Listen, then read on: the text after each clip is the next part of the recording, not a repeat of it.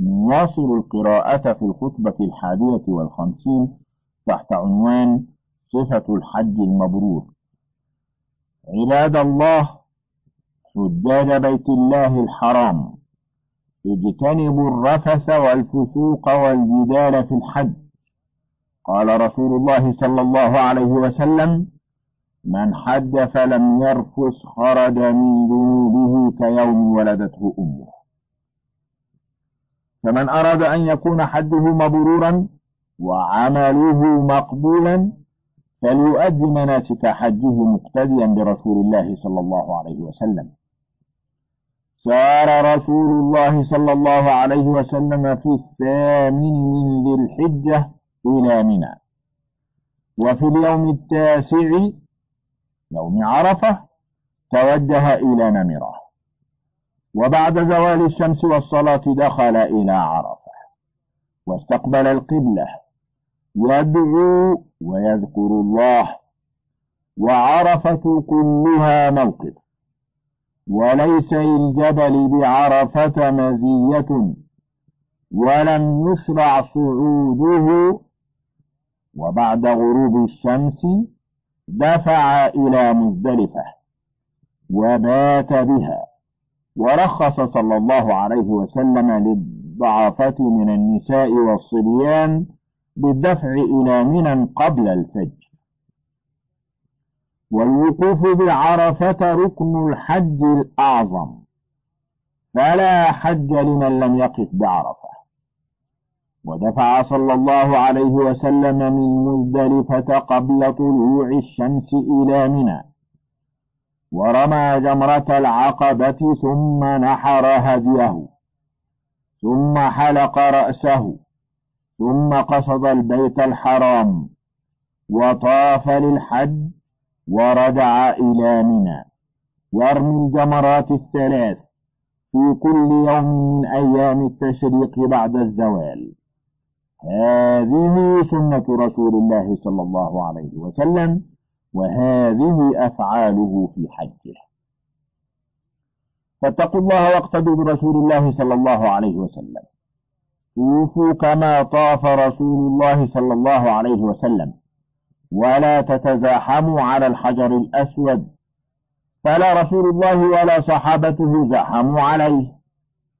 إن وجدوا فرجة قبلوه أو استلموه وإلا أشاروا إليه ومضوا في طوافهم وقد تكون المزاحمة إثما ومنكرا ومشقة وخاصة من النساء الضعيفات حيث تحرم عليهن مزاحمة الرجال.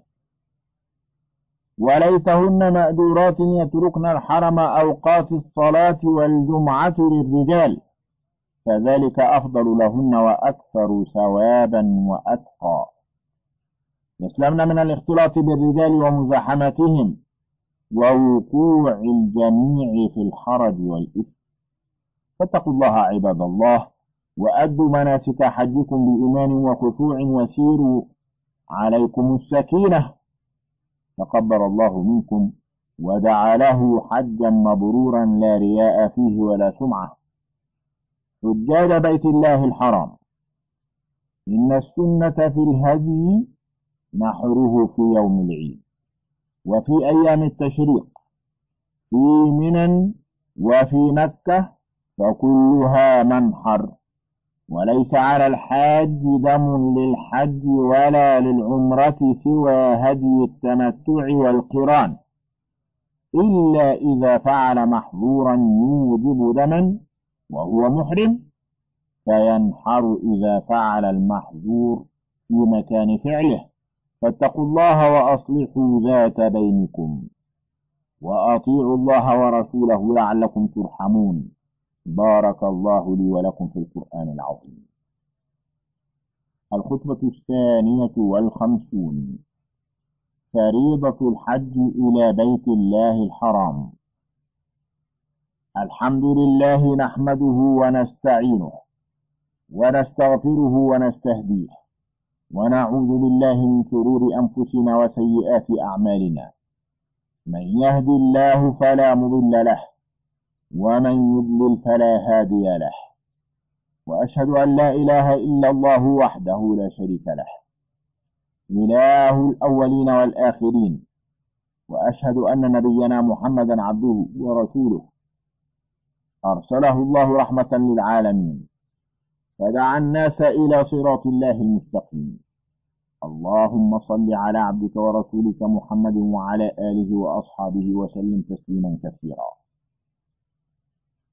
أما بعد فقد قال الله تعالى ولله على الناس حج البيت من استطاع إليه سبيلا ومن كفر فإن الله غني عن العالمين.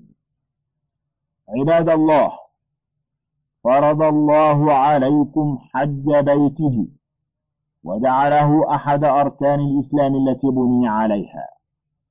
قال صلى الله عليه وسلم بني الإسلام على خمس شهادة أن لا إله إلا الله وأن محمد رسول الله وإقام الصلاة وإيتاء الزكاة وصوم رمضان وحج بيت الله الحرام من استطاع إليه سبيلا. والسبيل كما بينه الرسول صلى الله عليه وسلم هو الزاد والراحلة. عباد الله أدوا ما فرض ربكم عليكم من حج بيته الحرام بإخلاص وعلى سنة الرسول صلى الله عليه وسلم. فالعمل لا يقبل إلا إذا كان خالصا لله. وصوابا على سنته صلى الله عليه وسلم. حتى يكون حجكم مقبولا وسعيكم مشكورا. فالحج المبرور ليس له جزاء إلا الجنة. طوفوا واسعوا كما طاف وسعى الرسول صلى الله عليه وسلم. وآتموا حجكم وعمرتكم كما شرع لكم. حج رسول الله صلى الله عليه وسلم حجة الوداع. وقال في حجته تلك خذوا عني مناسككم. قالها في عدة مواضع. لعلي لا ألقاكم بعد عامي هذا. واجتنبوا الرفث والفسوق والجدال في الحج. قال تعالى الحج أشهر معلومات. فمن فرض فيهن الحج فلا رفث ولا فسوق ولا جدال في الحج. أهل الرسول صلى الله عليه وسلم من ذي الحليفة ميقات أهل المدينة. أهل بالتوحيد. لبيك اللهم لبيك. لبيك لا شريك لك لبيك. إن الحمد والنعمة لك والملك. لا شريك لك. حتى إذا أتى البيت الحرام استلم الحجر الأسود وقبله. ثم رمل ثلاثة أشواط ومشى أربعة. والرمل والاطباع سنة في طواف القدوم للرجال. ثم صلى ركعتي الطواف خلف المقام. وردع إلى الحجر الأسود فاستلمه. ولم يزاحم في طوافه. ولا كان الصحابة يزاحمون عليه فالمزاحمة لا تنبغي وتقبيله ليس بواجب وقد يأثم الإنسان بذلك. وخاصة النساء حيث تحرم عليهن مزاحمة الرجال. ثم خرج صلى الله عليه وسلم إلى الصفا ورقى عليه واستقبل القبلة ووحد الله وكبر ودعا. ثم نزل إلى المروة وسعى في بطن الوادي. ثم مشى وفعل على المروة كما فعل على الصفا. يفعل ذلك في الأشواط السبعة. ثم قال لو استقبلت من أمري ما استدبرت لم أسق الهدي ولجعلتها عمرة. وقد بقي صلى الله عليه وسلم على إحرامه إلى يوم النحر. وأمر من لم يسق الهدي أن يجعلوها عمرة. فأحل الناس كلهم وقصروا إلا رسول الله صلى الله عليه وسلم. ومن كان معه هدي من الصحابة. ثم أهلوا بالحج يوم التروية. وصلى النبي صلى الله عليه وسلم بمنى الظهر والعصر والمغرب والعشاء والفجر. يقصر الصلاة الرباعية فيها. ثم سار إلى عرفة بعد طلوع الشمس. فلما زالت الشمس خطب الناس. ثم صلى الظهر والعصر جمعا وقصرا. ثم أتى الموقف. وعرفة كلها موقف. وبقي حتى غربت الشمس. ثم سار إلى مزدلفة وصلى المغرب والعشاء بها جمعا وقصرا. وصلى بها الفجر. ثم وقف عند المشعر الحرام وذكر الله وكبره ودعا حتى أسفر. ثم سار إلى منى. رمى جمرة العقبة ثم نحر هديه ثم حلق. ثم طاف طواف الحج. وهو صلى الله عليه وسلم في كل ذلك يقول خذوا عني مناسككم. فالأنساك ثلاثة قران وتمتع وإفراد. فالقران هو الإحرام بالعمرة ثم إدخال الحج عليها قبل الشروع في طوافها أو إحرام بهما جميعا من الميقات. والتمتع هو الإحرام بالعمرة في أشهر الحج والإحلال منها ثم الإحرام بالحج في العام نفسه. والقارن والمتمتع يلزمهما هدي. ينحر بمنى يوم العيد وفي أيام التشريق. والذبائح التي تنحر بمكة قبل الحج باسم دم التمتع والقران ليس هذا وقت وجوبها ولا وقت نحرها وإنما وقت ذبح الهدي يوم العيد وفي أيام التشريق وليس على الحاج دم للحج. ولا للعمرة سوى ما ينحره بمنى أيام العيد. إلا إذا فعل محظورا وهو متلبس بإحرام والمحظور يوجب دما. فنحره بعد فعل المحظور ومن لم يجد هديا فعليه صيام عشرة أيام ثلاثة في الحج وسبعة إذا رجع إلى أهله. فسنة الرسول صلى الله عليه وسلم وهديه وهدي صحابته نحر الهدي بمنى يوم العيد لا قبله. والإفراد هو أن يحرم بالحج ويبقى على إحرامه حتى يصل إلى منى ويرمي جمرة العقبة ويحلق أو يقصر.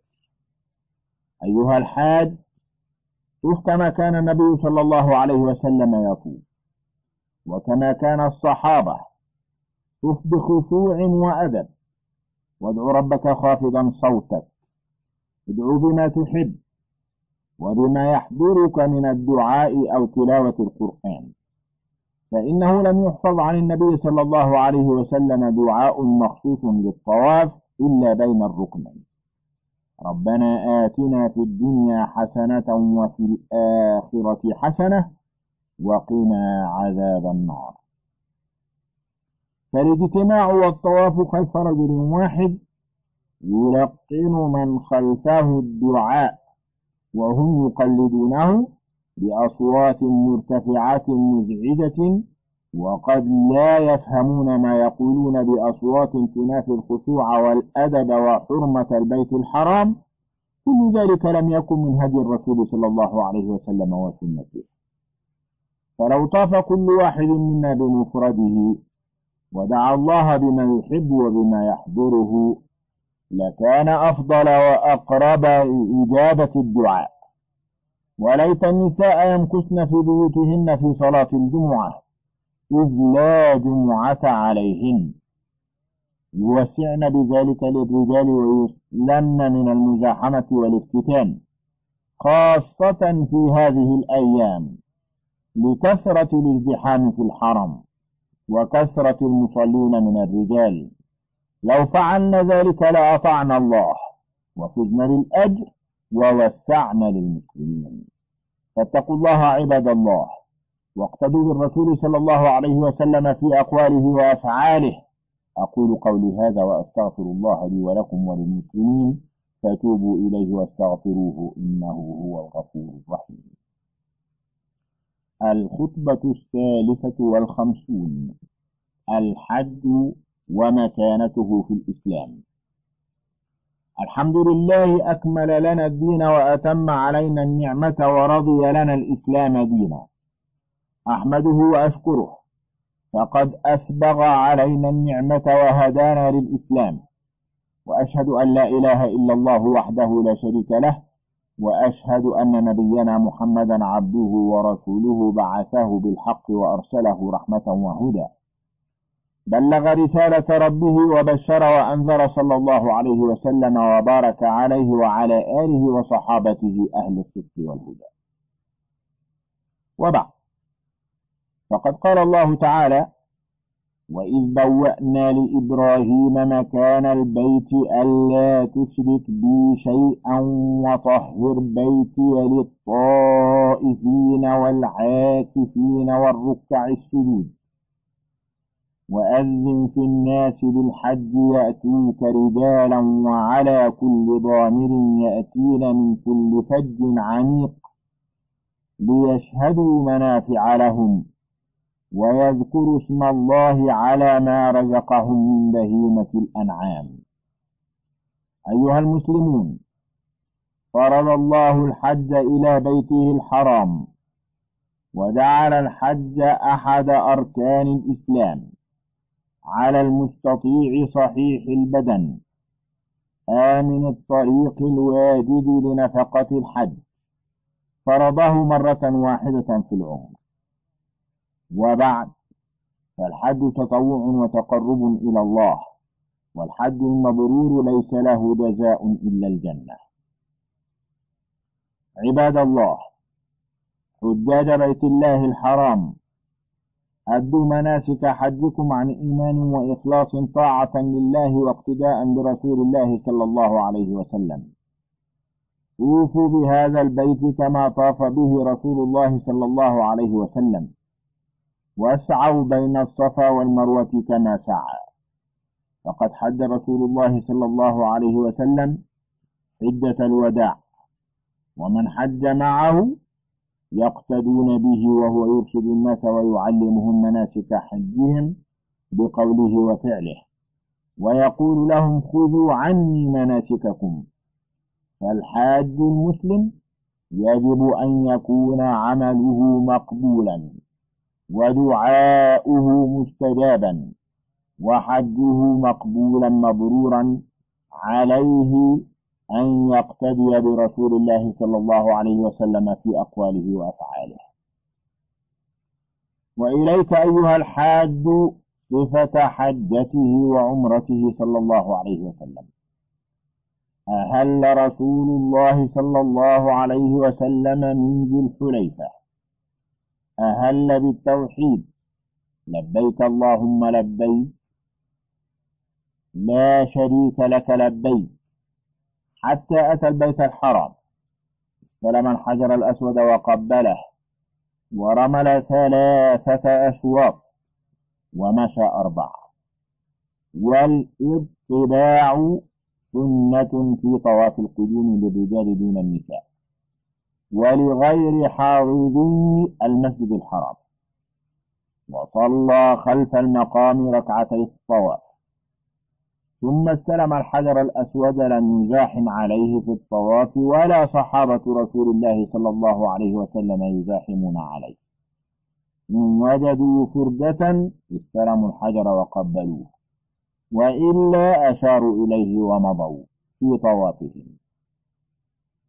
فالمزاحمة لتقبيل الحجر الأسود لا تنبغي والمزاحم يؤذي إخوانه وقد يأثم وخاصة النساء حيث تحرم مزاحمتهن للرجال واختلاطهن بهم حتى لا يخرجن بالإثم والجميع يطلب الأجر والثواب وأنصحوهن بالصلاة في بيوتهن وترك الاختلاط بالرجال في أوقات الصلوات حيث الزحام. لأن ما يحصل من المزاحمة ومن الاختلاط بالرجال منكر لا يرضاه الإسلام. وفي الأوقات الباقية متسع لزيارتهن الحرم والطواف والعبادة فيه. ثم خرج رسول الله صلى الله عليه وسلم إلى الصفا. فاستقبل القبلة. ووحد الله وكبره ودعا. ثم انحدر إلى المروة وسعى في بطن الوادي. والإسراع في السعي سنة للرجال دون النساء. ثم مشى ودعا على المروة فعل ذلك في الأشواط السبعة وبقي على إحرامه حتى يوم النحر. حيث قد ساق الهدي هو وبعض أصحابه. وأمر من لم يكن معه هدي أن يتحلل بعمرة ويكون متمتعا. فامتثلوا وحلوا. وكان بعضهم قد أهل بحج وفي اليوم الثامن أهل بالحج من كان حل من إحرامه. وركب رسول الله صلى الله عليه وسلم ومن معه إلى منى. وصلى بها الظهر والعصر والمغرب والعشاء والفجر. يقصر الصلاة الرباعية هو وجميع الحاج. وبعد طلوع الشمس من يوم عرفة ساروا إلى نمرة. لم يدخل عرفة إلا بعد الزوال والصلاة. وبعد زوال الشمس من يوم عرفة خطب الناس ووعظهم وأرشدهم. حرم دماء المسلمين وأعراضهم وأموالهم إلا بحق. وحرم الربا. أمر بتوحيد الله وبطاعته ونهى عن الشرك وعبادة الطاغوت والأهواء. وصلى الظهر والعصر قصرا وجمع تقديم ليتفرغ الحاج للوقوف بعرفة ثم دخل عرفة رسول الله صلى الله عليه وسلم ووقف عند الصخرات مستقبلا القبلة وقال وقفت هنا وعرفة كلها موقف وليس للجبل بعرفة مزية ولا لغيره بل صعود الجبل من البدع وكذلك تتبع المساجد هناك. وبقي صلى الله عليه وسلم واقفا يدعو الله ويذكره حتى غربت الشمس. والوقوف بعرفة هو الركن الأعظم في الحج. من لم يقف بها وقت الوقوف فاته الحج. ثم انصرف صلى الله عليه وسلم إلى مزدلفة وعليه السكينة. وصلى بها المغرب والعشاء والصبح ووقف عند المشعر الحرام حتى أسفر. وقد رخص للضعفة من النساء والصبيان بالدفع من مزدلفة بعد أن غاب القمر. ثم سار إلى منى قبل طلوع الشمس ورمي جمرة العقبة ثم نحر هديه. ثم حلق رأسه وقال صلى الله عليه وسلم عند كل قول أو عمل في الحج خذوا عني مناسككم. وذبح الهدي في يوم العيد وفي أيام التشريق مصلحة للمهدي وللمساكين. يأكل من هديه ويتصدق على المساكين. ويسلم الحجاج من الروائح المؤذية ومن فساد اللحوم ويحصل بذلك الأجر وتتم الفائدة. فأفضل الحج العد والسد وليس على الحاج دم للحج أو العمرة إلا ما يذبحه المتمتع أو القارن يوم العيد. وفي أيام التشريق. إلا إذا عمل المحرم محظورا يوجب دما فينحره بعد فعل المحظور مباشرة يوزع على مساكين الحرم ثم يسير إلى مكة ويطوف بالبيت ويسعى من لم يكن سعى من قبل إن كان قارنا أو مفردا أما المتمتع فيسعى سعيين ويعود إلى منى. يبيت بها ليالي التشريق ويرمي الجمرات الثلاث في كل يوم بعد زوال الشمس. ومن لم يستطع الهد يصوم ثلاثة أيام في الحج وسبعة إذا رجع إلى أهله. وحاضر المسجد الحرام لا هدي عليه ولا صوم. هذه أفعال رسول الله صلى الله عليه وسلم في حجته وفي عمرته وهذه سنته. فاتقوا الله واجتنبوا ما يبطل العمل حيث لا رفث ولا فسوق ولا جدال في الحج. وتعاونوا على البر والتقوى. بارك الله لي ولكم في القرآن العظيم. أقول قولي هذا وأستغفر الله العظيم لي ولكم. ولسائر المسلمين من كل ذنب فاستغفروه إنه هو الغفور الرحيم. الخطبة الرابعة والخمسون. الزيارة المشروعة للقبور. الحمد لله الغني الحميد المبدئ المعيد ذي العرش المجيد الفعال لما يريد. أحاط بكل شيء علما وهو على كل شيء شهيد. أحمده سبحانه وأشكره وأسأله من فضله المزيد. وأشهد أن لا إله إلا الله وحده لا شريك له ولا ند ولا معين. وأشهد أن نبينا محمدا عبده ورسوله وخليله أفضل داع إلى الإيمان والتوحيد. اللهم صل على عبدك ورسولك محمد وعلى آله وأصحابه. ومن تبعهم بإحسان إلى يوم الدين وسلم تسليما كثيرا. أما بعد. فقد قال الله تعالى قل إن كنتم تحبون الله فاتبعوني يحببكم الله ويغفر لكم ذنوبكم والله غفور رحيم.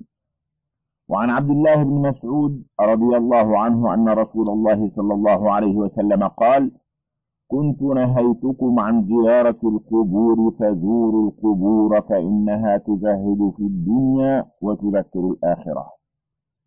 أيها المسلمون كان الرسول صلى الله عليه وسلم قد نهى عن زيارة القبور في أول الإسلام.